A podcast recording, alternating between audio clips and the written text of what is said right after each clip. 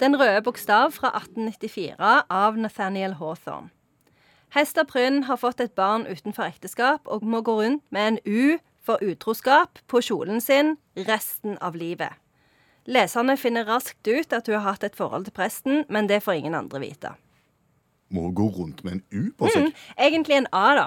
Det er veldig kjent. Så på alle kjolene sine så må hun ha, eh, sy på en sånn stor rød A for adultery, da, så på engelsk.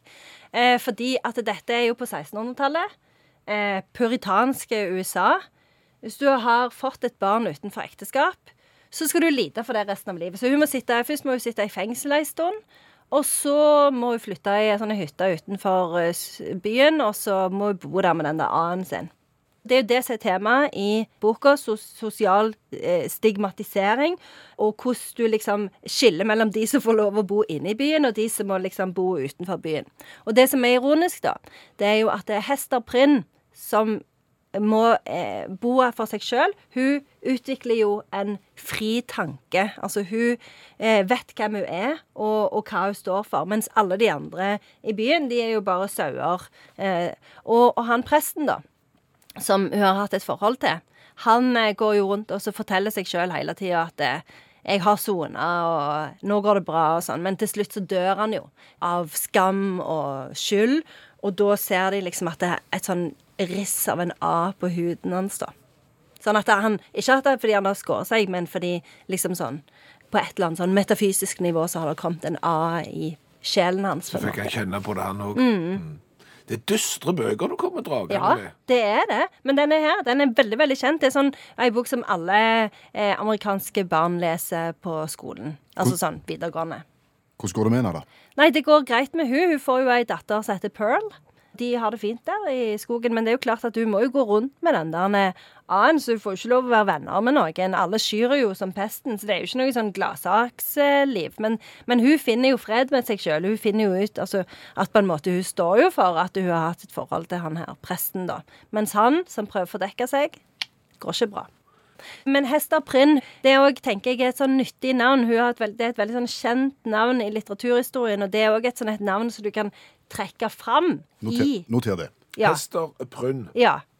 For det er for eksempel i Twin Peaks, der er det en sånn en karakter som sier Når hun skal liksom late som hun er en annen, så sier hun 'jeg heter Hester Prinn'. Og da, liksom, da kan du sånn Ah. mm, Ja, vi vet hva det er snakk om her. Dette skulle jo jeg visst for lenge Ja, siden. det er nettopp det. Når jeg så Twin Peaks, så forsto jeg jo ingenting. Nei, du er sånn 'hæ, Hester Prinn, lamt navn'. Så dette, nå, nå vet vi det, så nå kan vi bruke det. Og òg, jeg tenker, sånn i samtaler som handler om ja, stigma og sosiale normer og hvem som bestemmer og sånn, så kan vi dra en hest av Prinn. Et sitat fra boka 'Den røde bokstav'. Ja. Intet menneske kan i en lengre periode vise ett ansikt for seg selv og ett til andre, uten å til slutt bli forvirret rundt hvilket som er sant. Det var jo genialt. Mm. Være deg selv fullt og helt, ikke stykkevis og delt. Ja. Dette var, det var vakkert, Per Øystein. Møte et sitat med et annet. Nice. Vil du oppsummere Den røde bokstav for oss? Vi er jo inne på tampen av uh, julebordsesongen, og det er jo gjerne den perioden i året når en kollega treffer en annen kollega på en litt annen måte. Og det er klart, når du da kommer på jobb mandagen etter julebordet, og samtlige går rundt med røde a-er på seg, d- da kan det bli det er litt rar stemning. Og spesielt hvis du er den eneste som kommer på jobb uten A.